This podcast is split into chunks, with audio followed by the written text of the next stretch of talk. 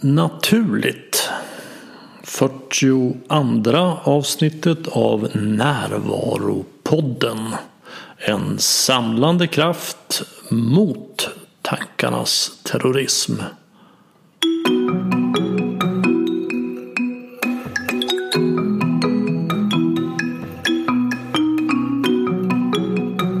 Det här är Bengt Renander. Och nu, alltså i mitten av augusti, finns några biljetter kvar till föreläsningen om kärleksrelationer som jag håller den 12 september i Stockholm. Alla föreläsningar hittills har blivit utsålda och det blir förmodligen den här också snart.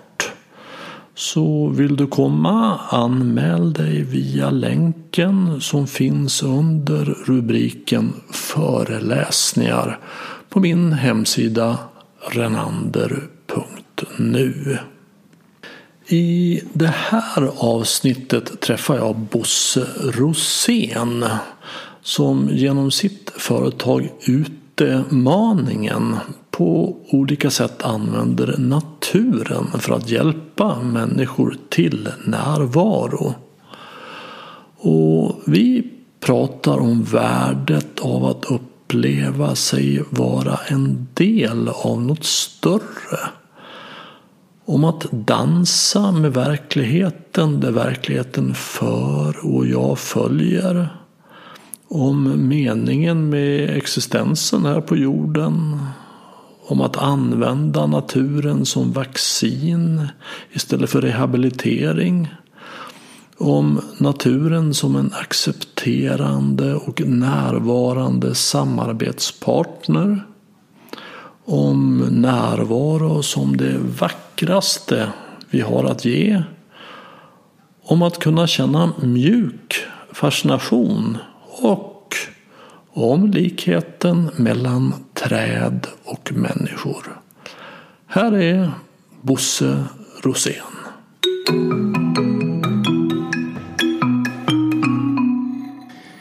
Jag eh, brukar säga att jag förebygger naturbrist eller försöker avhjälpa naturbrist. eh, alltså välbefinnande med naturen kan man uttrycka det som också. Jobbar med mycket aktiviteter ute i naturen men också en del föreläsningar och workshops inomhus. Men, men mitt huvudområde är, är hur vi kan använda naturen för att må bra både till kropp och sinne. Mm. Och om man har drabbats av naturbrist, ja. hur märker man det? Ja, eh, vi har ju till exempel en pågående stressepidemi där stress har blivit den allra största källan till sjukskrivning. Och eh, var det nu 130 pers eller någonting om dagen som går in i väggen.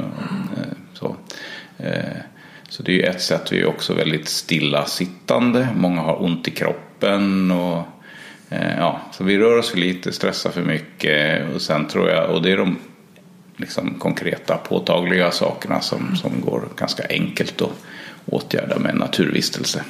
Sen tror jag att det finns mycket annat också. Att, vi, att det, det finns en illusion om att vi eh, är så moderna människor att vi är liksom separerade ifrån naturen. Att naturen är någonting där ute, där borta, något fint. Där kan man ha semester eller liksom vara på sandstranden eller så här, ja, någon lyx vi kan unna oss om vi har lust. Så där, men, men egentligen så är vi precis lika beroende av naturen som vi alltid har varit och vi är en del av naturen. Mm. Eh, allt vi äter och dricker och andas och så kommer ifrån naturen och det mesta av alla material vi använder och sådär också. Mm. Och jag tror att den här illusionen av separation från natur, naturen orsakar väldigt mycket lidande för människor. Och samtidigt så håller vi också på eh, att liksom förstöra den naturen som vi är så beroende av. Alltså vi har ju hela det här med klimatkrisen och samtidigt som den pågår så har vi också en, en artutrotning när vi väl när nu skulle liksom behöva verkligen eh, när vi har ett förändrat klimat så skulle vi verkligen behöva stabila ekosystem då håller vi på att riva sönder dem också. Och jag menar att det där det hänger ihop och man kan sammanfatta det som naturbrist, några aspekter av naturbrist. Mm. så att man kan säga att naturbrist eh, kan yttra sig som att vi eh, inte har kontakt med naturen, inte vistas i naturen, men också att vi kanske inte beter oss på ett sätt som är naturligt för oss människor. Alltså vi är ju ett socialt djur. Eh, så med en massa behov. Till exempel av rörelse, återhämtning, social kontakt, eh, meningsfullhet och massa sånt där. Mm. Och när vi inte får det så mår vi dåligt. Mm. Jag tänker så här att, att stress är ju ett sätt att definiera stress är min oförmåga att vara med det som är här nu. Jag är uppe i, jag ska in i framtiden, det ska bli klart eh, sen kan jag vara lugn. Eller att jag har fastnat i någonting som har varit. Så att jag blir väldigt stressad av mina tankar. Och när jag är i min tankevärld så tappar jag bort min närvaro. Jag tappar bort min, mitt själv. Och där finns min visdom. Mm. Och, och det, annars vore det inte möjligt för oss att, att vara så bete oss. Det är inte klokt det vi håller på med. Vad det gäller att förstöra vår miljö. Och det, det är endast möjligt om vi är fastnade i tankevärlden som handlar om rädslor och begär. Nej, just det här med, med att vi inte är närvarande det är ju verkligen en, en källa till att vi inte mår bra. Mm. Jag tycker han, eh, Thich Nhat Hanh, eh, buddhistmunken som har skrivit flera fina böcker. Mm. Han har sagt någonting i stil med att när du diskar så ska du inte diska för att få tallrikarna rena utan du ska diska för att diska. Mm. Eh, och det är ju just allt det här som man övar i mindfulness till exempel. Liksom att, att vara närvarande med det man är. Och det finns ju forskning som visar också att eh, eh, när man är någon annanstans än här och nu så är man mer olycklig än om man är här och nu. Till och med om man gör tråkiga uppgifter. Liksom. Att, mm. Och jag tror att det ligger mycket i det du är inne på där. Att, eh, många, alltså vi har ju ett arbetsliv idag som är eh, alltså väldigt slimmat och folk ska producera mycket hela tiden. Men, men när jag frågar folk, liksom så här, eller man tar upp på föreläsningar. Vad är det när du sitter där liksom på kontoret och så har du den här uppgiften då är det förmodligen inte den uppgiften som stressar dig utan det är ju liksom tanken på sen när du är klar med det där då ska du göra allting annat. Det och det och det och det och det. Mm. Så, så, om du bara kan vara, man kan öva sig att vara i just den här uppgiften och så släppa det som, det som kommer sen, det kommer sen. Ja, för vi lever ju i en, en, en tillvaro som är så bra på så, så väldigt många olika sätt så att för att få problem så måste vi börja tänka. Och det gör vi. Ja, det gör vi. Så mycket och får väldigt mycket problem av det. Mm. Men när vi kommer till det innevarande ögonblicket. Alltså vi har ju ett ögonblick här. Det finns mm. ett nu där vi sitter här och, och möts. Så kommer vi hit så kan vi säga att det, det är ett bra ögonblick. Sen kan vi börja fundera på hur det ska gå här i midsommar med släkten och, eller vad det nu än är för någonting. Och, och få väldigt mycket problem. Och, och det tycker jag är en väldigt fin sak att motivera sig i alla fall till en början att bli mer närvarande och det är att nuet är en plats att vila på. Mm. Så om inte för annat, det finns enormt många fler fördelar med att komma till nuet. Den dela med och komma i kontakt. Men om inte för annat så för att få vila en stund mm. i det här ramat. Ja, och för att inte missa det som händer. Alltså ganska ofta är det ju, man kan gå igenom livet eller ta sig hit eller varstans och så är man antingen ältar man saker som har varit eller så oroar man sig för sånt som kanske kommer inträffa i framtiden. Och, eller bara dricka kaffe. Tack så mycket för goda koppen kaffe. Mm. Sådär. Hur många gånger är det inte som, som man kanske liksom tänker ja, nu ska jag ta en fika och så ska man bara kolla mejlen och så helt plötsligt är kaffekoppen tom och så minns man inte liksom oj men har jag druckit kaffe eller inte? Ja men det smakar lite i munnen nu alltså det har jag nog gjort. Mm. Ja, det är ytterligare en fördel med att vara närvarande, att jag får uppleva mitt liv. Ja. För det pågår här nu, inte Precis. någon annanstans. Och, det är ju då ytterligare en, en fördel man ser när man väl har blivit, blivit närvarande, att man får uppleva sitt liv. Inte bara få en plats att vila på. Och när man väl har hittat till den här platsen att vila på då ställer man sig frågan varför ska jag lämna den här platsen? Finns det några goda argument att göra det? Och det gör det ju inte. Men det är svårt att komma dit. Det är svårt att komma till den här platsen igen som är närvarande och det är framförallt svårt att vara kvar där. Och där vet jag att du använder dig av naturen som en hjälp. Ja, men för innan dess, innan jag berättar om naturen, mm.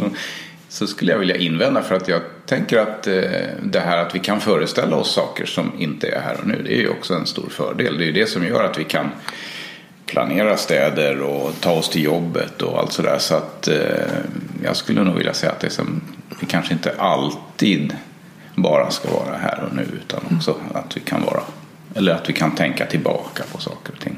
Men allt annat givet så skulle vi nog väldigt mycket bättre av att, att vara väldigt mycket mer här och nu. Och det är, vi är ju så snabba till att eh, anamma alla distraktioner som finns i form av ja, men, våra mobiltelefoner med, med allt möjligt som lockar allt annat som verkar vara mer spännande än det som pågår runt omkring. Så, där så att, eh, ja. Det är vi helt eniga om. Alltså att, att tankar är ju väldigt bra verktyg. Så vi kan lära av det förflutna, vi kan planera för framtiden, ja. vi kan föreställa oss det som inte finns. Så att så länge jag, det är vad jag själv vill, då är det ju inget problem. Nej, Men vad vi gör är att vi fastnar i tankevärlden. Så vi kommer aldrig till upplevelsevärlden som är här nu. Och det, då blir det problem. Mm. För att den här tankevärlden kan se ut hur som helst. Mm. Tankevärlden huvudsakliga evolutionära syfte är ju att hjälpa oss att överleva. Alltså att jag ska föreställa mig vad, vad kan gå åt skogen här? gå, till, gå till helvete kanske jag ska säga. Eh, och hur ska jag då preventera att, att det, mm. det inte gör det? Och om min lösning på det inte funkar, vad ska jag göra då? Mm. Och där är jag ju fast. Alltså det kan jag ägna från jag vaknar på morgonen till jag somnar på kvällen åt det mm. i tankevärlden. Och då blir det inte bra. Nej. Och det, det tror jag också ligger något eh, i att du valde just det här. Men vad är det, för, vad är det som kan gå snett? Liksom så här. För jag tror att det, det, har varit en evolutionär fördel att vi är, vi är liksom lite förprogrammerade att tänka negativt. Så. Och ska man börja och tänka neutralt eller positivt, ja, men då måste man nästan öva sig i det. Liksom, för att det är, ofta så ser vi problem. Därför att det är, om du ser ett långsmalt föremål på stigen så om du hoppar undan och så blir rädd och så var det en pinne så ja men då har du fått ett hopp. Men om du tror att det är en pinne och så var det en livsfarlig orm ja men då får du inga fler chanser att hoppa undan så att eh, det kanske har varit bra att vara lite mera rädd. Då, Absolut, oro och rädsla är ju evolutionärt gynnat. Mm. Alltså de som har varit rädda, precis som du beskriver bland våra förfäder, de har överlevt. Mm. Och de som har varit obekymrade, de har dött av. Men vi är alldeles, alldeles överdrivet rädda. Vår rädsla står inte alls i proportion till faran numera. Det är väl kanske ett sätt att beskriva problemet. Absolut. Det jag har ju jobbat en del på, på naturskola också med barn och sådär. Och då är det ju väldigt tydligt ibland, i alla fall i vissa klasser. Så vi, vi, vi som, som har jobbat på naturskola, vi tycker mycket om att eh, liksom, ja, men barn måste få rasa runt och leka och, och sådär. Men sen så kan ju skolorna som kommer och besöker ha olika regler. Va? Så att jag kommer ihåg väldigt väl en, ett tillfälle när det var några som började klättra upp i träd och sådär. Och, eh, bara för, jag tycker det är jättebra. Klättra i träd är en fantastisk sysselsättning. Eh, och så bara för att kolla så frågade jag en av lärarna som följde med. Så här, eh, ja, är det okej okay att eleverna klättrar i träd för er? Liksom, så här. Och hon stelnade till direkt och sa nej absolut inte, vem är det som gör det? Och så nu måste iväg och hindra. Så den första liksom, reaktionen är allting nej liksom och vi ska skydda och så. Och jag tänker att ja, men givet det vi pratade om innan. Vad är det som är de stora farorna idag? Ja, men det är stressjukdomar och det är att vi rör oss för lite. Eh, och då det skyddas vi emot. Liksom, barn skjutsas till skolan och man får inte liksom, gå mm. eh, obevakat och sådär. Jag tänker bara jämför med eh, när jag växte upp. Då var man ju ute liksom och lekte och sen så förhoppningsvis så kom man in till middagen. Nu har jag, det var någon amerikansk artikel som jag såg där man rekommenderade att barn, vad var det nu, under 15 år så här, skulle inte, eller under 12 skulle absolut inte få leka liksom själva utan någon vuxen närvaro. Liksom, så här, För att man är så rädd att det ska hända saker. Så. Ja, och det är en intressant aspekt att det som tidigare hjälpte oss att överleva har nu blivit det som är farligt för oss. Ja. Det som tidigare har varit farligt för oss kan nu hjälpa oss att överleva. Just det, vi behöver förebygga vår naturbrist. Ja, precis. Så om man kommer till dig då och har identifierat att jag har naturbrist. Jag, jag tycker någonting, jag pratar ofta om naturen också. Att, att det som är så fantastiskt i naturen är att allting är helt och hållet närvarande. Mm. Allt där. Och, och närvaro är, jag brukar kalla det smittsamt. Men det var en lyssnare som skrev att de tyckte att jag skulle använda uttrycket föröka sig istället. Men eh, oavsett vilket, att, att det påverkar mig. Mm. Och jag menar, vi delar ju, vi har mer än 50 procent gemensamt DNA med en banan. Mm. Och 99 procent med en schimpans. Så vi är, vi är ju en apa. Som kommer hem till skogen. Så, så, när jag har identifierat min naturbrist så kommer jag till dig Bosse och så säger att hjälp mig, jag har naturbrist. Vad, vad gör du då? Vad, Ja, det finns, lite, det finns lite olika saker. Jag har ju eh, dels den här delen som handlar om, om fysisk aktivitet. Eh, där kan man börja för det är ju inte så eh, det är inte hotfullt på något sätt. Alla vet att man behöver röra på sig. Och, och, det, och, Eh, och bara att belysa det faktum att ja, men för att ta sig ut i naturen så måste man gå. För det är förknippat med någon form av rörelse. Eh, och, och redan det är ett eh, väldigt kraftfullt eh, liksom hälsomedel. Eh, och börjar vi sen gå på en stig, då är den lite knölig. Då måste jag anpassa mina fotleder och därmed mina knän och mina höfter. Och bålen måste aktiveras så det blir en helt annan sak än att gå på en platt innerstadsgata. innerstadsgata. Och sen kan man ge sig ut i terrängen och använda höjdskillnader, eh, stenar, stockar. Bara ta sig fram genom och leka med olika rörelser. Jag brukar föreslå till exempel långsamma rörelser, ungefär som i tai chi eller sådär, fast du behöver inte göra formella rörelser. Bara att kliva upp på en liten sten eller en stock eller någonting väldigt långsamt, kliv ner väldigt långsamt. För vad händer när du rör dig långsamt? Jo, då kan du liksom inte slarva över rörelsen med att använda rörelseenergi. Så. Utan du måste hitta en balans hela tiden. Så, så kanske att man stannar upp någonstans när man är uppe. Ja, då måste du också hitta balans och sen komma ner. Så det blir som en slags meditativ rörelse. Där då. Så det, det, och det finns jätte, jättemycket att göra. Och bara, liksom bara att ta sig ut i naturen och helst liksom gå lite obanat eller en stig så, här, så, så, får man väldigt mycket positiva effekter på kroppen. Eh, och sen har vi det andra som du, är ditt specialområde då, med, med närvaro eller återhämtning och stressreducering och sådär. Och då handlar det väldigt mycket om just att bara vara närvarande, uppmärksam. Eh, lägga märke till dofter, ljud, eh, känselintryck och så. Så mycket av det jag gör är ju kanske en sorts guidning. Liksom att, att, att ge plats för att, att folk själva kan, kan ta in de här intrycken. Så. Mm. Gör dem uppmärksamma på sina sinnen. Mm. Så det kan handla om eh, tysta vandringar när man bara eh, går tillsammans men är tyst. Med eller utan specifika eh, tips på vad man kan uppmärksamma. Så, alltså bara det här att gå tyst tillsammans, det kan man pröva med en kompis eller något sånt där. De flesta upplever det som otroligt kraftfullt. Men för att det ska hända så måste man komma överens om det. Därför att annars så är vi tillsammans så är vi, ja, vi är ju sociala djur. Då är det normala att man går och småpratar och sådär. Och då kanske man missar allting mm. runt omkring. Så, så det kan ju vara min roll då, att guida till det. Och sen så kan jag ju också göra mera specifika övningar då, eller bjuda in till att, att uppmärksamma just eh, ljud, hörselintryck, eh, syn, eh, dofter, känsel och sådär med olika övningar. Och så. Ja, för våra sinnen tar, tar ju oss till nuet eftersom det inte går att uppleva någonting någon Nej. annan gång än nu. Precis.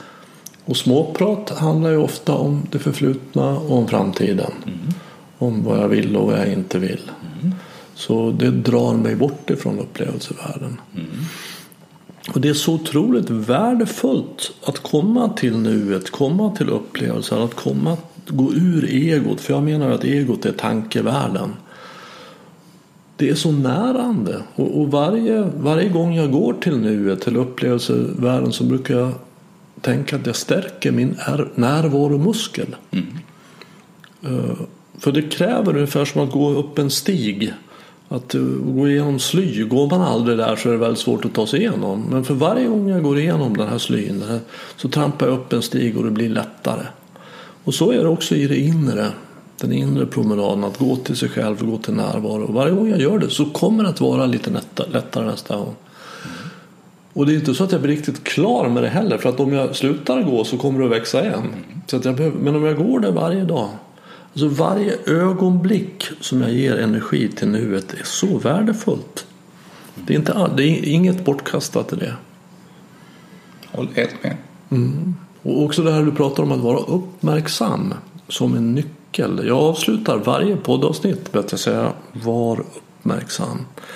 Och det innebär för mig att, att vara vaken. Så att jag ser att nu håller tanke, tankarna på att dra bort mig. Men istället för att gå dit och börja tänka på hur det var var när jag var åtta år eller hur det ska bli när jag blir pensionär så är jag kvar här. Jag får ett val när jag är uppmärksam och, och komma hit. Och sen är det ju någonting fantastiskt med naturen. Att den är så... Den är bara där. Den, står inte, den är inte dömande eller... Visst är det så. Mm. Hur länge har du hållit på med det här? Det beror på vad man menar med hållit på med det här. Alltså, jag, har ju varit eh, vad ska man säga, fascinerad av naturen och eh, känt att jag mår bra i naturen sedan jag var en liten grabb. Liksom. Eh, promenad och naturen har liksom varit sådana grejer som har återkommit mm. hela tiden. Då. Men sen i, i mitt företag Utemaningen då som har de här aktiviteterna Eh, har jag hållit på i eh, runt tio år. Då. Mm. Och du gör det här på heltid? Mm. Mm. Och hur ser dina uppdragsgivare ut? Är det privatpersoner eller företag? Ja, det är, dels har jag aktiviteter eh, för allmänhet och, så, och sen så är det en del företag som kontaktar mig också. Och sen så har jag nu börjat med sen ett knappt år att eh, jag har kört kurser för något som jag kallar för friskvårdsguider. Då. För jag har upptäckt att det finns en massa människor som tycker ungefär som jag att åh, vad bra jag mår i naturen och det här vill jag dela med mig av till andra. Så då har jag fått en hel del förfrågningar, folk som liksom ringer eller mejlar och så jag undrar har du några tips? Hur gör du? Och, så. och de, de brukar jag gärna svara på. Men då föddes idén att ja, men jag gör en kurs, så jag har en, det är en endagskurs och då får man eh, först en, en, eh, ja, en liten introduktion bara till vad jag kallar det, det, moderna dilemmat, det här vi pratade om innan, liksom att vi mår dåligt när vi inte umgås i naturen och så. Eh, och lite av mina erfarenheter och sen så har jag ett, ett guidat pass eh, fram till lunch liksom, där deltagarna får uppleva ett antal olika övningar och sen så på mm. eftermiddagen så får de då eh, prova och guida själv en kort, kort stund, fem minuter eller sådär. Och så resonerar vi kring vad kan den här övningen vara bra för och lite om guideteknik och sådär. Mm. För jag har ju också jag har varit en av Storstockholms auktoriserade naturguider i, sedan 2004 tror jag. Och då handlar det ju mycket om att man visar naturen och pratar om arter och såna här saker. Då. Eh, men, men jag har också en, en sjukgymnastutbildning så jag kom in på ja, men kan man börja kombinera natur och hälsa på något vis. Och började göra hälsoguidningar och sen så pluggade jag till naturhälsopedagog och kom in på det här med stresshantering och sådana saker också. Eh, så har jag gjort ganska många aktiviteter på de här teman, oftast ganska korta, kanske ett par timmar eller så. Och eh, upptäckt att Alltså de här övningarna, de, de, de gör, den här korta stunden, de gör väldigt mycket med folk. Man ser nästan bokstavligt hur axlarna far ner och andningen blir lite friare. Och, och eh, man får, jag får ofta kommentaren från folk så men varför gör inte jag det här oftare? Det är ju så enkelt och jag mår ju så bra utav det. Och, och hur ser sådana övningar ut? Det kan till exempel vara eh, att det kanske, ett ganska vanligt upplägg som jag har gjort många gånger är att eh, jag har eh, leker lite i fältgymmet som jag kallar det. Eh, visar på hur vi kan använda naturen eh, för att öva kroppen.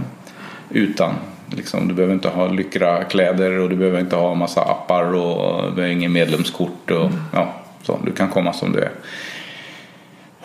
för att sen gå över, då har jag eh, lite övningar där man har eh, till exempel en som heter Foxwalk där man går väldigt långsamt och uppmärksamt. Blicken långt bort i fjärran. Så att man, det en, man kombinerar rörelse och närvaro.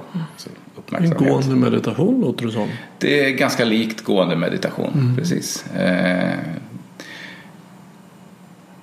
grejen är att eh, ja, Jo, ja, man kan säga att det kan, kan vara som en sorts gående meditation. Fast mm. man gör det gärna då i lite, lite terräng så att man liksom, fötterna får känna sig fram. Och, mm. sådär, mm. så. Eh, och då, den brukar bli en väldigt bra övergång då till lite mera lugn och roövningar. Mm. Och då kan det till exempel handla om eh, tyst vandring eh, och då kan man föreslå olika fokus och sen så brukar jag ha en en, mm. vad, vad föreslår du för fokus? Då, då? Ja, men till exempel vara uppmärksam på vilka ljud du hör. Eller hur många gröna nyanser kan du se? Eller mm. eh, om man eh, går där det är lövskog eller så. Men, eh, för att inte bli fastna i träden så kan man ju fokusera på att titta på mellanrummen mellan grenar och mm. sådär. Bara för att ha någonting just att fokusera på. Och återigen det här med att om du märker att tankarna far iväg mm så, så gör ingenting, bara lägg märke till det och sen så, så gott det går tar de tillbaka igen. Ja. Och det tycker jag är någonting som man, man kommer till i närvaro att det finns så otroligt mycket att uppleva i varje ögonblick. Så otroligt mycket i mig, utanför mig. Och så det här med att ha tråkigt är ju verkligen ett egobegrepp. Alltså att det ska vara mer, det ska vara annorlunda. Mm. För när man blir närvarande så försvinner ju egentligen känslan av att vänta. Man väntar inte längre. Utan att uppleva det som är och den mm. enorma rikedom som finns. Jag kommer att tänka på det när jag hör er berätta om hur många olika nyanser av grönt finns här och se hur färgerna i naturen stämmer så vackert ihop. Mm. Mm. Ja, det är roligt också med just det här med att naturens intryck sällan är, är påträngande. Så, eh, om man hör om du går förbi uteserveringar som spelar eh, musik liksom, och så har du en sorts musik där och en annan där och så är du i mitten. Då blir det ofta så här, nej ta mig härifrån, det är mm. disharmoni. Mm. Men har du en koltrast där och en trädgårdssångare där som sjunger. Som, ja, men det är olika sånger men det, mm. det är ändå ja, det blir inte disharmoniskt på samma sätt. Nej, nej inte alls. Ja. Uh vad händer sen? Vad, vad gör ni mer? Eh, sen brukar jag, det beror lite på hur, hur långa aktiviteter, men, men eh, efter jag, jag, jag, försöker gärna styra vad jag kallar för energinivån. Liksom. Så när folk kommer så kan man vara uppe i varv och stilla, liksom, ganska stressad och då kan jag börja med någon eh, eh liten landningsövning ungefär som du bjöd mig på här innan. Så. Eh, och sen så det här med att vi skuttar omkring i fältgymmet. Så där. Då, då är vi ändå ja, någonstans på mellannivå och sen så en tyst vandring och sen brukar jag göra en, en eh, stillastående övning där man eh, står tillsammans och jag guidar genom sinne för sinne vad man upplever. Så där. Och sen efter det då så, så bjuder jag gärna på en stunds stubbsittning där eh, deltagarna får eh, liksom ta varsitt sittunderlag och sen så gå ut och så sitta en stund själv ute i naturen och bara uppleva det man upplever. Mm. Och då är man ju, när de kommer tillbaka sen så är, brukar man, då är man väldigt, väldigt långt ner och då så kör jag någon liten runda eller litet resonemang så att man ja, kommer tillbaka på lite mellannivå igen. För folk ska ju sen ut igen i mm. ett vanligt liv så, där, så att man inte och när du säger långt ner så förstår jag det som att du menar att man är väldigt närvarande. Ja, och väldigt lugn. Och ja. så, att, ja. så du stressar upp dem lite grann så att de kan gå ut i världen? Ja, jag ska inte säga stressa upp men alltså man det, ja, får tillbaka till en slags mellannivå. Och, mm. och min, min vits som jag ser det med det här det är ju att, att inte att folk ska komma till mig hela tiden och vara med på aktiviteter. Det är ju en hel del som återkommer utan att människor ska upptäcka själva. Mm. Ja men vad bra jag mår utav det här.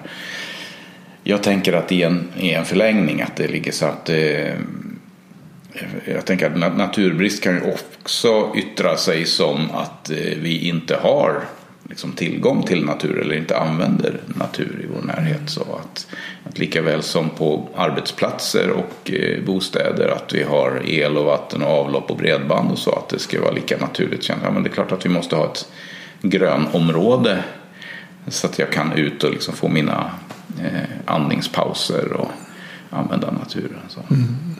Alldeles i maj tror jag så, så släppte Akademiska Hus en studie som, som heter Kom igång med utomhuskontor där de puffar för fördelarna med att förlägga en del av sin arbetsdag utomhus. Och det tycker jag är superspännande.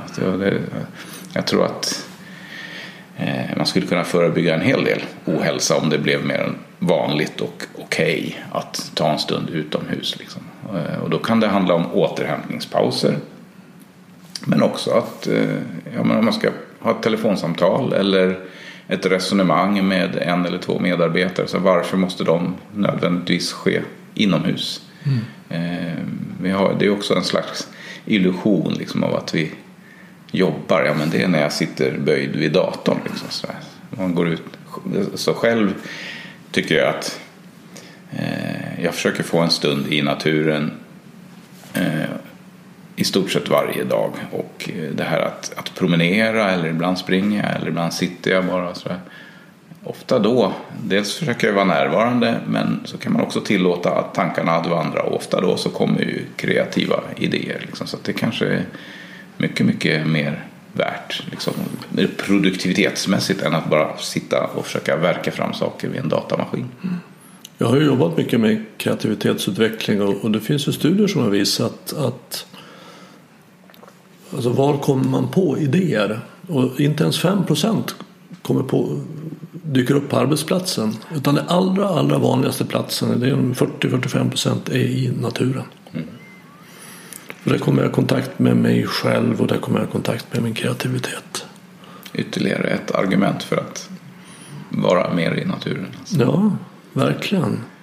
Och sen är det ju, jag tänker också på ett reportage om ungas psykiska ohälsa som var på SVT för ett halvår eller ett år sedan. Så då, då var det någon eh, av experterna där som, som eh, sa att, något i stil med att unga behöver fler arenor där man får vara precis som man är. Skogen. Mm. Alltså det är ju så mycket yta. Vi är så noga med att vi ska man ska se ut på vissa sätt och bete sig på vissa sätt. Och det finns så mycket krav på hur man ska vara liksom, i vardagen idag. Eh, måste få till, alltså, viktigare än att maten smakar gott är ju att den ser bra ut på Instagram. Liksom så. Men ute i skogen så kan du ju släppa allt det där. Det, det, eh, den är som den är och du får vara som du är. Liksom. Mm. Det, eh, så det finns ju en stor frihetskänsla i det där. får göra nästan som du vill så länge du inte hugger ner skogen eller tänder eld på den. Så. Mm. Och många upplever ju också ja, men, att man kan känna sig trygg eller få tröst och sådär. Och sen Eh, något som är inte kanske lika påtagligt men som jag tror också är viktigt är den här liksom, och som man kanske måste öva upp lite grann med, alltså känsla av sammanhang. Det finns ju också många studier på att om, om du har, känner att du hör ihop med någonting som är större än dig själv mm. så mår man bra. Mm. Det är ju grunden för AS tolvstegsprogram. Ja. Att få kontakt med någonting större än mig själv. Ja. Mm. Och då kan det ju handla om, om Gud och religion eller så. Men alltså, vi är ju en del av naturen och att Absolut. hitta det sammanhanget och känna att ja, men jag har uppe. Det kan man ju också göra små övningar och meditationer kring. Sådär. Men om man tittar på ett träd. På vilka sätt hänger jag och det här trädet ihop? Mm. Jo, för att det, jag är ju inte alls religiös. Men jag översätter, när man pratar om Gud så, så översätter jag det med verkligheten. Mm. Alltså att verkligheten är större än mig. Och jag är en del utav det. Så att, så att livsuppgiften handlar ju snarare om att hur kan jag dansa med verkligheten där verkligheten för och jag följer. Än att jag ska dansa med verkligheten där jag ska föra och det ska vara som jag vill.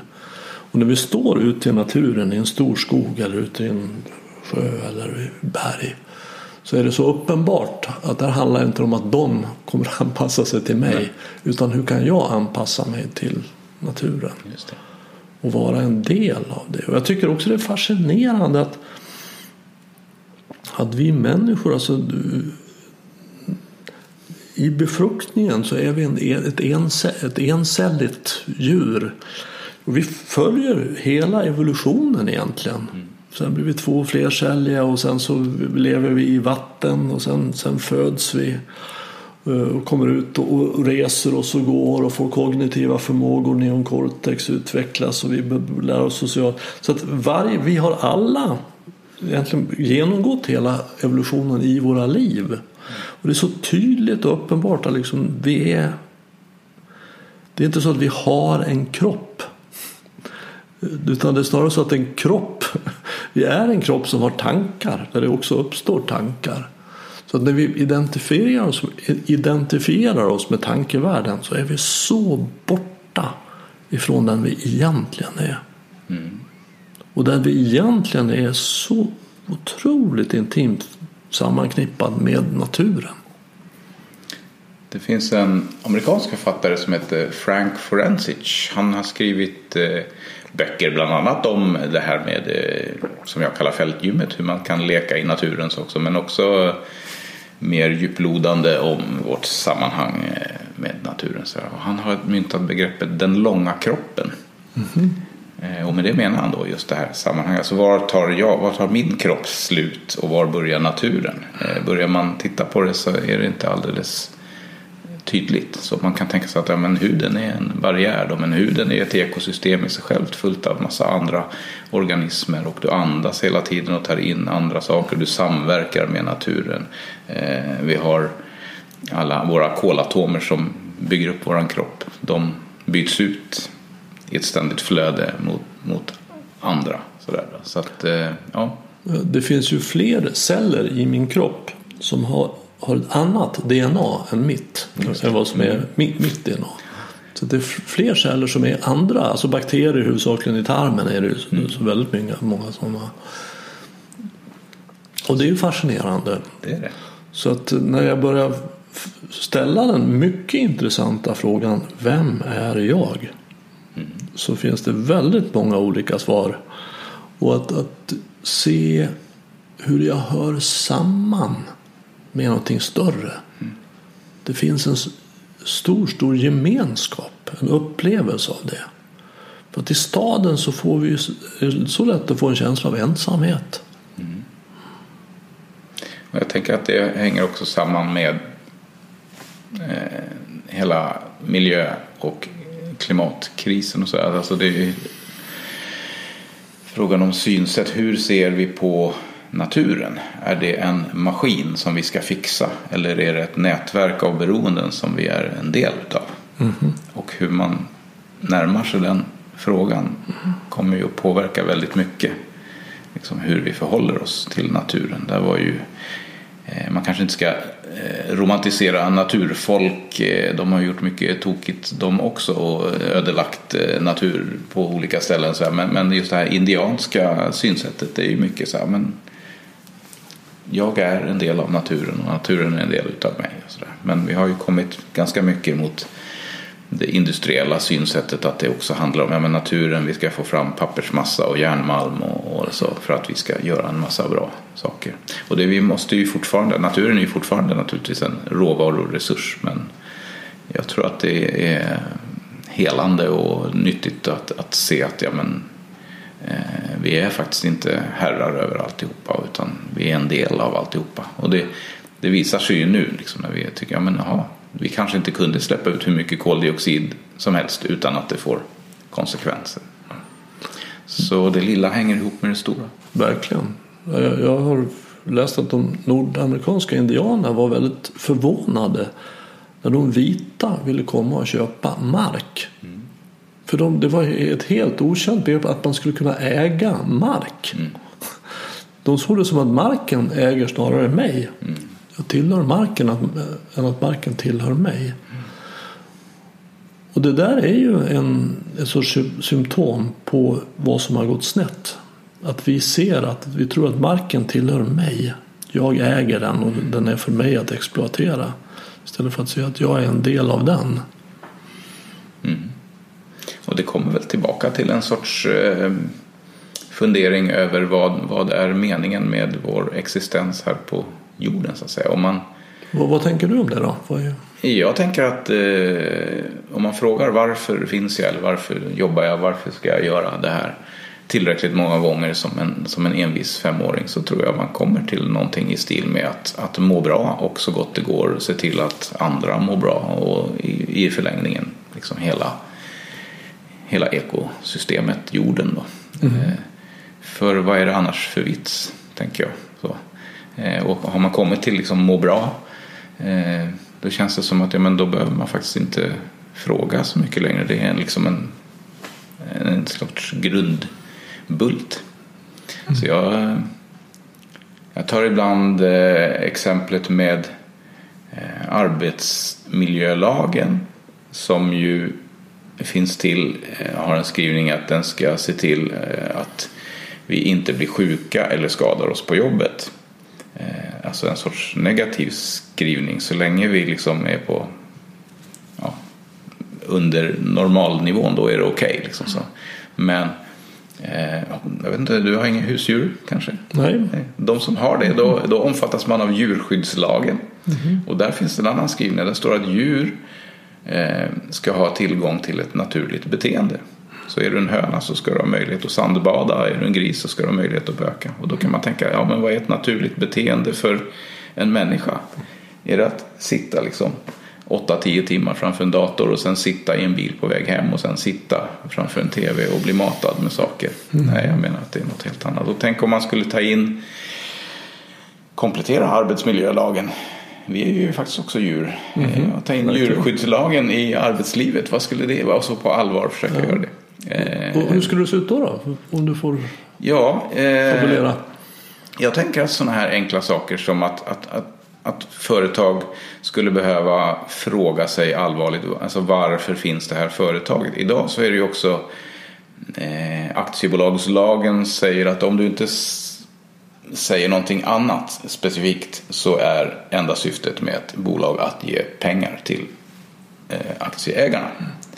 Eh, säg att man skulle komplettera det med att ja, men ge pengar och att bidra till välbefinnande för medarbetare och kunder och planet och sådär. Dubbla mål. Då finns det ju en kritik mot det som säger att ja, men det går inte för att då, är det, då blir det för luddigt och det blir svårt att mäta.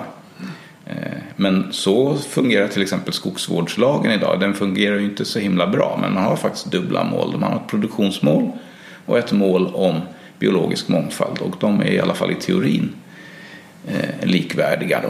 Eh, och sen finns det ju en kritik mot att ja, men, man tänker att ja, men, hur mycket pengar jag tjänar det är ju lätt att mäta. Men det har ju visat sig att det går ju bra att bokföra på konstiga sätt så det kanske inte heller är så lätt att mäta egentligen. Men bara det att man lyfter upp välbefinnande också, att det ska vara ett mål. Mm.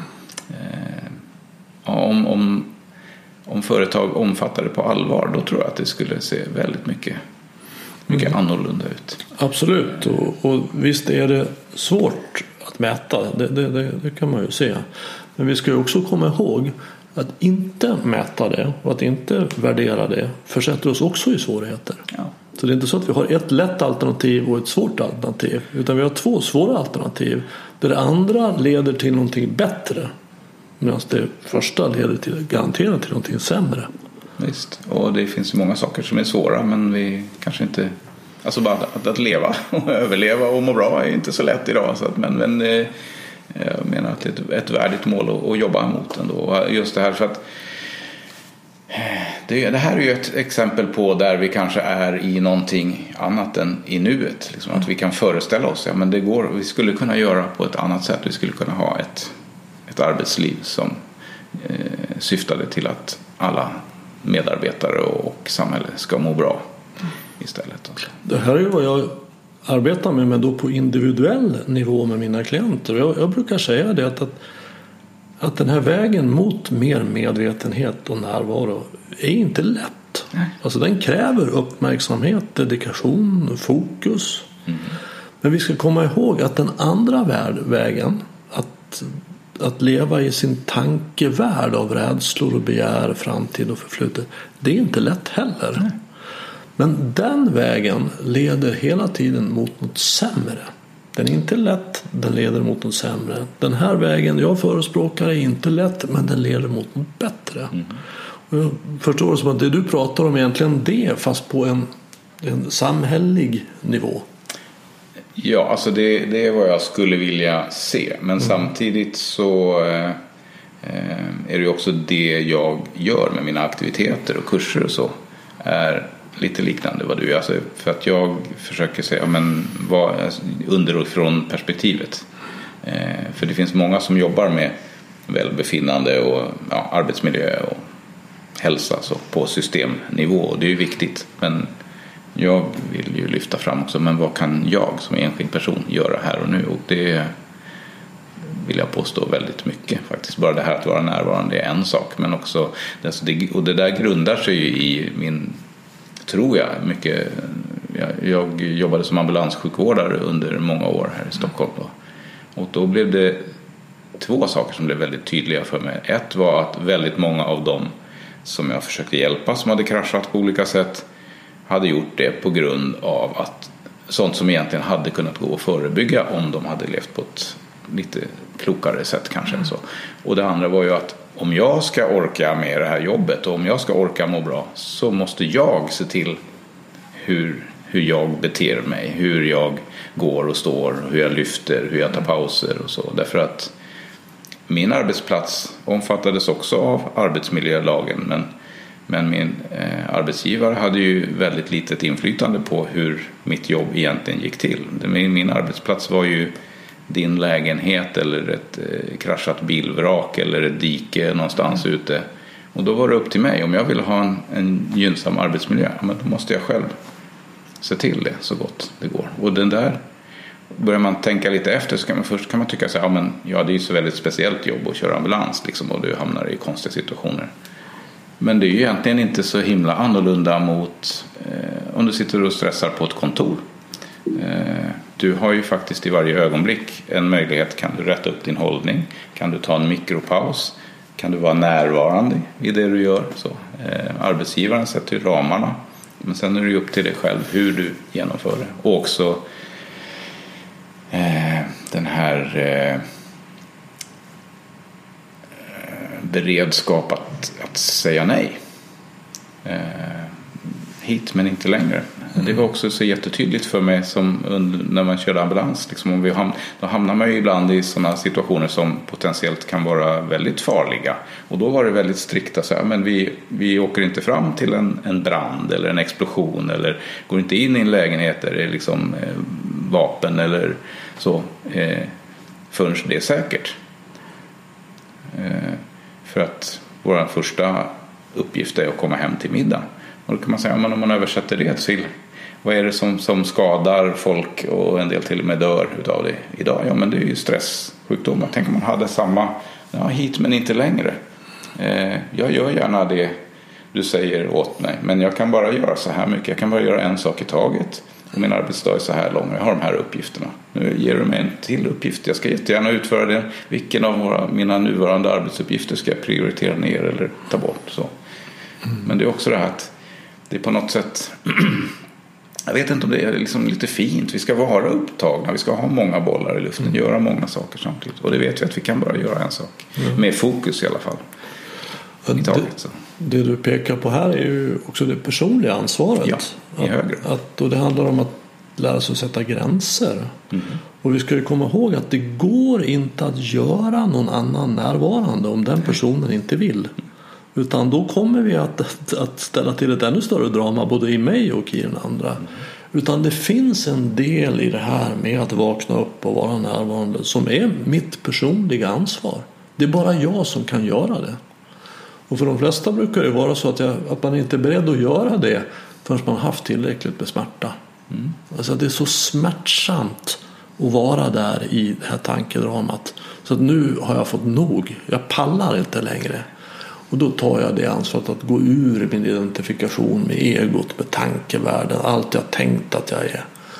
Och sen då börja från början med det som gå in i upplevelsevärlden.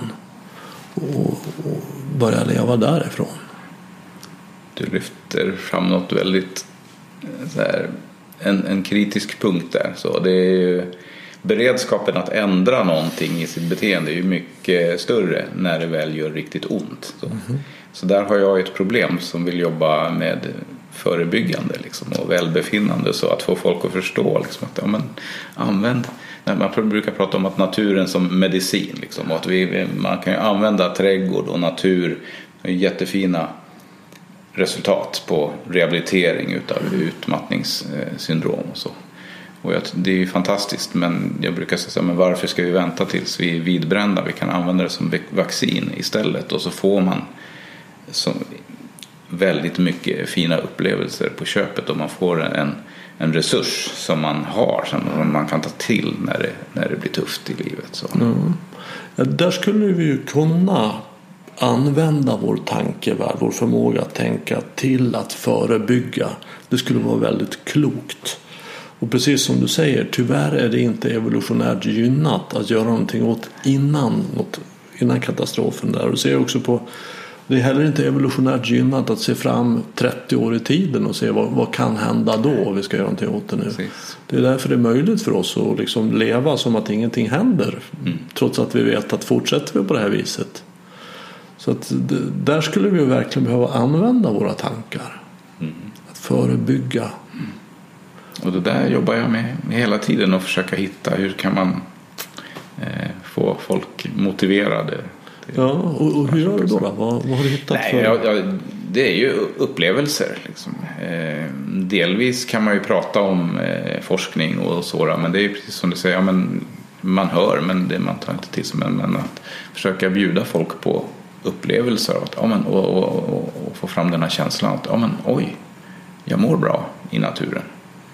Eh, och försöka uppmuntra folk att göra saker och ting på egen hand sen då. Men, men det är inte helt lätt så det, jag tar gärna emot tips om du har bra eh, motivationshöjande knep. Sådär. Men jag tror att det du är inne på är någonting väldigt bra. För att, att skälet till att egot inte är kvar i det här är ju rädsla. Om man skulle sammanfatta egot i ett ord är det ju rädsla. För vem är jag om jag inte presterar? Om jag säger nej, sätter gränser, om jag mm Alltså, då, är, då är jag ju inte älskbar. Och jag tror också att eh, det är många som är rädda för att komma hit och bli av med sin rädsla märker jag. För vem är jag om jag inte är rädd? Det är ju rädslan som driver mig. Men precis som du säger, att få en upplevelse av hur det är att vara närvarande. Och upptäcka att det är inte farligt. Det är inte farligt att inte vara identifierad med sina tankar. Och att se igenom tankarnas illusion, egots illusion och få uppleva ah. För det är ju verkligen en känsla av att komma hem. Mm. När man kommer till närvaro. Jag kommer hem till den jag mer sant är. Den jag naturligt är.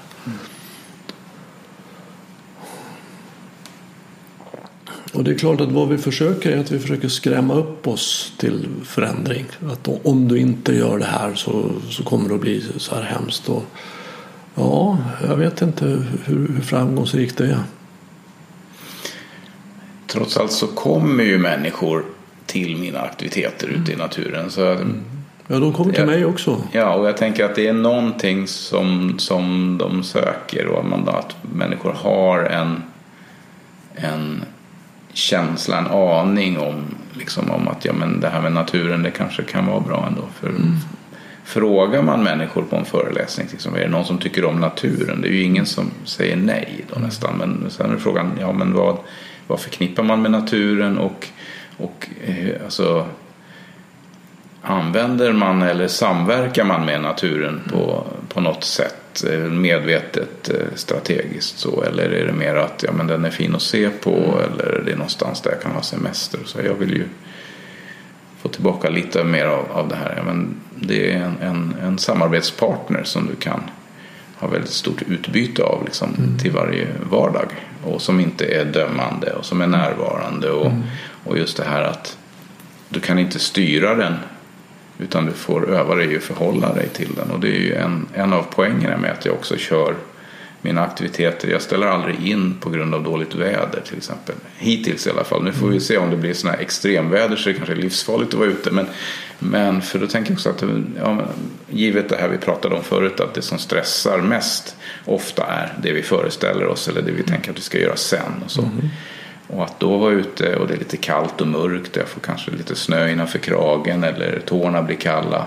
Det är påtagligt det här och nu. Det går att göra någonting åt. Jag kan röra mig eller gå därifrån om jag vill eller sätta på mig en tröja till. Så jag tänker att den sortens utmaningar kan nästan vara som en befrielse. Att det känns, ja men det är verkligen, det är verkligen i nuet. Mm. Och att för det, det, är, det är ibland ett, ett problem, eller problem, men det, det, kan vara som idag. Det är liksom en fantastisk solig dag. Så om jag går ut och kör aktiviteter i naturen och folk säger, oh, men vad skönt sådär. Eh, att man tänker att ja, men så är det alltid i naturen. Då är det ju fint och soligt sådär. Men, men går ut en höstkväll och det regnar och blåser. Då blir upplevelsen en annan. Men, men den kan också vara väldigt, väldigt givande. Eh, och du får förhålla dig till mm. till hur det är bara helt enkelt. Jag vill koppla an till den här längtan som du pratar om. Att, att det finns en sorts naturlig längtan i oss till naturen. Och, och det skulle jag säga att det är en naturlig längtan i oss att komma till oss själva, den vi sant är. Jag brukar ju säga det till mina klienter som kommer hit att, att den som har tagit hit dig är ditt själv. Som säger att nu får du fan med vara nog. Och ditt ego vill nog inte vara här. Men eftersom egot nu har i någon bemärkelse brutit samman så har självet äntligen fått tillfälle att säga att, att nu, nu är det dags för förändring. Och där är ju utbrändhet till exempel en sån förändring där egot bryter samman väldigt tydligt. Depression. Mm ångest. Ja, det är ju 50 procent nästan nu som, av de som är sjukskrivna är ju det av psykiska orsaker. Mm. Ja, och här, och här har du då ett, ett väldigt kraftfullt och effektivt sätt att förebygga det. Ja. ja. Och, och, det är egentligen samma sätt som jag har, även om jag nu inte är ute i naturen. Men det handlar om att komma hit för problemet är att jag är inte här med uppmärksamheten. Och jag tänker att också eh, naturen, som jag var inne på, det, det, det, är inte en hotfull plats. Ja, en del kan ju vara rädda för att gå ut i skogen och sådär, men, men ändå att prata med en coach eller en terapeut och öppna sig kan ju vara väldigt skrämmande och möta, liksom bjuda på mycket motstånd. Så. Ja, men att, egot. Ja, just det. Men att, att, gå ut i naturen är ju på något sätt, ja men återigen, det är tillåtande liksom. Det, eh, och därför gillar jag just det här angreppssättet att, att gärna börja i kroppen lite grann först och sen så kan man gå mera till återhämtning, närvaro, mm. lugn och ro. Men det hänger ju ihop. Det, det, är, ju, det är ju ytterligare en, en egenskap hos vår hjärna. Så vi vill gärna dela in saker och ting i fack. Liksom. Mm. Det, här, det här är kroppen, det här är själen, det här är naturen, det här är jag. Och, ja. så Men egentligen så är, liksom, är ju, börjar man skrapa närmare på det så, så hänger det ju ihop. Liksom. Absolut, det, absolut. Och det kanske också är en, en del i att naturen eh, är så pass eh, kraftfull, tänker jag, att, eh, eller att vi mår bra. Att man kan få en, i bästa stunder en känsla av, av helhet. Liksom. Absolut, och, jag ser ju att, att, att det absolut mest verkningsfulla jag kan göra när jag arbetar med en klient det är ju när jag är närvarande. Mm. Alltså när jag blir naturen. Alltså jag blir naturlig i min närvaro. Så att jag blir som ett, ett träd, men jag blir ett, ett naturligt. Något som finns här bara i närvaro. Det är så läkande. Så det är det bästa jag kan vara. Sen kan jag naturligtvis säga saker och berätta historier och tycka och tänka om grejer. Och det kan absolut vara användbart. Men det största är närvaron. Det kan vara närvarande. Och det där är ju faktiskt ett knep som man kan använda var och en hela tiden. Att, eh, alltså när du pratar med din kollega till exempel, se den i ögonen och lyssna färdigt tills den har pratat. Mm. Eh, då ger jag en jättefin gåva till den jag pratar med. Och att ge inget... är också väldigt välgörande. För oss. Absolut, vi har inget så vackert att ge som vår närvaro. Och jag tror också som du var inne på tidigare här, vad är, vad är meningen med livet?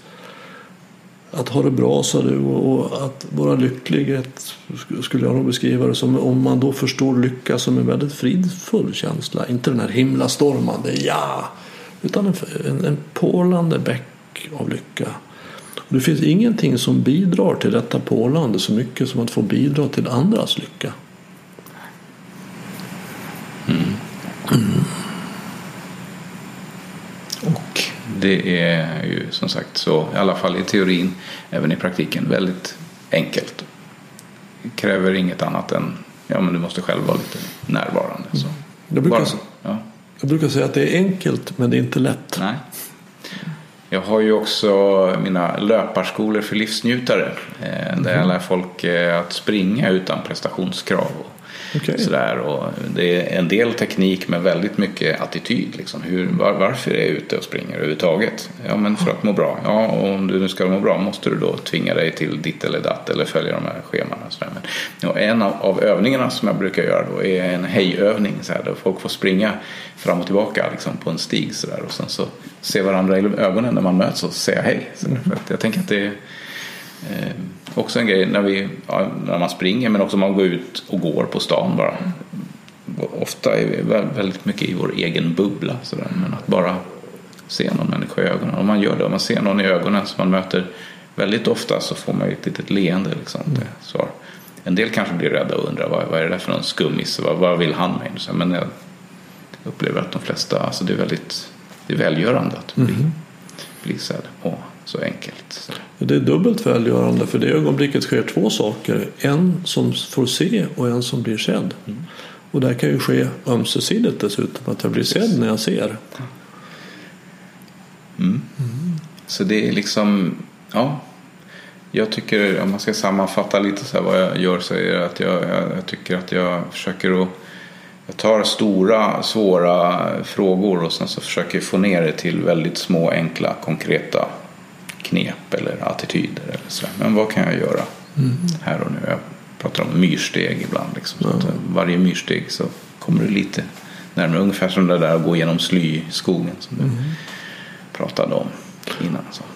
Och det handlar om att komma tillbaks till det som är naturligt, enkelt. Och det hjälper naturen oss med. För att problemet är att vi har tappat bort det tappat bort det enkla, naturliga, närvarande och fastnat i tankevärldar och prestation, vilka det ska vara, borde vara. Och naturen för oss tillbaks till den vi naturligt är. Mm. Mm. Och det fascinerande tycker jag i alla fall, min, min synpunkt är att äh, det, finns, det är egentligen inte antingen eller. Liksom, för att som jag var inne på, alltså vi har, de flesta av oss eh, tycker ju om eh, att ha en varmdusch eller ha en espressomaskin eller eh, sova inomhus och så, där. så vi behöver inte liksom vara 100% i naturen och flytta ut utan det, det finns ju forskning som visar att några minuter, en kvart om dagen eller sådär gör skillnad. Liksom. Och du, du, måste inte åka till Sarek eller liksom, mm. vildmarker långt bort utan det kan räcka med en liten dunge nära där du bor eller jobbar eller eh, en trädstam. Du kan uppleva jättemycket på en två handflators yta på en trädstam. Det är också en övning man kan jobba, gå fram och noggrant under fem minuter undersök mm. på alla sätt du kan. Liksom titta, dofta, känna en liten yta. Och så, mm. Det är en hel värld som öppnar sig och då i de bästa fall så blir man väldigt närvarande också i det. Så det kan bli en, en vila. Det är som att vi låter analyshjärnan vila och istället är i, i eh, sinnesintrycken. Mm. Det verkar vara en, en, en nyckel just att eh, vi behöver inte analysera så mycket det vi ser utan, utan bara låta, den, låta intrycken vara precis som de är. Mm, och uppleva det. Mm. Mm. För träd är ju i högsta grad någonting levande. Visst. Som också står där och som påverkar oss. Och, och snacka om att vara närvarande, snacka om att ha tålamod och acceptans. Mm. Bara stå på samma ställe mm. och anpassa sig hela tiden till det som sker. Mm. Förändra sig, nu slår man ut bladen, nu släpper man dem och växer man. Så det är en förebild i närvaro. Det är ju fascinerande och de är ju, eh, ja, de är ju metaforer också. Så det finns mycket likheter mellan mm. träd och människor som man kan lyfta om man vill eller låta bara få finnas där. Ja. Men, vad, vad, vad, brukar du använda för metaforer? Nej, men ibland så har jag gjort övningar med att man står runt ett träd och så, så får man eh, turas om eller den som kommer på vad, vad, finns det för likheter mellan ett träd och mig till mm. exempel. Mm. Sen kan man gå vidare med eh, på vilket sätt är jag och det här trädet förbundna? Liksom. På vilket sätt samverkar vi? Mm. Men en sån liknelse, likhet är ju just det här med att eh, träd kan inte välja alla sina förutsättningar, sina omgivningar utan de får göra liksom det bästa av situationen. Och, mm. eh, vill man breda ut sin krona och så bli stor och vid, ja men då måste du också ha ett rotsystem, det måste vara rotad. Mm. Eh, det kan man ju se mm. väldigt symboliskt. Så att det är ju också, hela naturen är ju full av symboler. Liksom. Att vandra Absolut. på en stig kan vara en symbol för livet eller att bestiga ett berg eller ja, vatten som är en sak på ytan eh, kan vara oroligt på ytan och lugnt ner längre ner. Så att det finns jättemycket att hämta. Ja, verkligen och det, det slår mig att, att, att även vi människor vi väljer heller inte våra omständigheter. Nej, vi har inte valt att födas inte födas som den vi är på den plats vi är födda. Är det något mer som du känner att du skulle vilja få med här idag? Ja. Mm. Mjuk fascination. Mm. Det är ett tycker jag är ett underbart uttryck som myntades av eh, makarna Kaplan på 80-talet som, som beskriver vad de tror är en nyckel till varför vi mår, mår så bra i naturen. Och just det här att när du är ute i naturen så kan du bara vara närvarande och låta dig fångas av vad som än händer. En, en fågel som sjunger eller en kvist som vajar eller en eh, vindpust som slår emot din hud. Och du behöver inte ta ställning till om det är bra eller dåligt. Du behöver inte analysera det. Du kan låta det vara precis som de kallar det mjuk fascination. Jag tycker det är ett mm. härligt uttryck och någonting som jag skulle önska att, att eh, många fler skulle liksom öva sig i mm. vardagligt. Så att istället för att gå upp i tankevärlden och kategorisera som rätt, fel, bra, dåligt, stort, litet. Gå in i en mjuk fascination som upplever det som är. Ja. Mm. Och ja, just vi var inne på sinnesintrycken. Alltså det är genom sinnena som sinnena påverkar känslorna. Att vi är, är i de direkta sinnesintrycken. Inte mm. i vår tolkning eller analys av dem. Och det är också lätt att säga, lättare att säga än att, än att göra. Men det går att öva. Verkligen. Och tänk att få gå runt i livet hela tiden mm. i mjuk fascination. Precis. I alla möten och i, i det man är med i. Bara själva varandet. Mm. Och det är så enkelt som ta, ja, nu behöver du inte ens ett sittunderlag men annars ta med dig ett sittunderlag, gå ut, sätt dig och mm. bestäm dig för att vara stilla i tio minuter eller så. Mm. Då kan man också hinna uppleva att man kanske blir otålig eller eh, ja, andra känslor. Och så, men jag sitter kvar ändå för jag har bestämt mig för det. Och så kanske man, kan man lägga märke till. Hur, jag, kan känna, jag kan känna en mjuk fascination även över min otålighet. Ja, och, och det här är ju möjligt att göra var som helst, när som helst. Men det är klart att det underlättar väsentligt att vara i naturen. Visst. Och om vi då också börjar se att jaha, men naturen är en sån resurs för mitt välbefinnande. Att förhoppningsvis det kanske också leder till en, en, en beredskap att vara rädd om naturen och se till att vi har natur nära där vi bor och arbetar. Och då gynnar det många fler än bara mig själv också. Mm. Så att vara rädd om mig kan i förlängningen leda till att jag är rädd om andra och ja, i yttersta förlängningen hela världen. Ja. Och är jag rädd om hela världen och andra så innebär det att jag är rädd om mig själv. Precis. Eftersom allt hör ihop. Ja, det har varit ett mjukt fascinerande samtal. Mm. Tack. Tack ska du ha.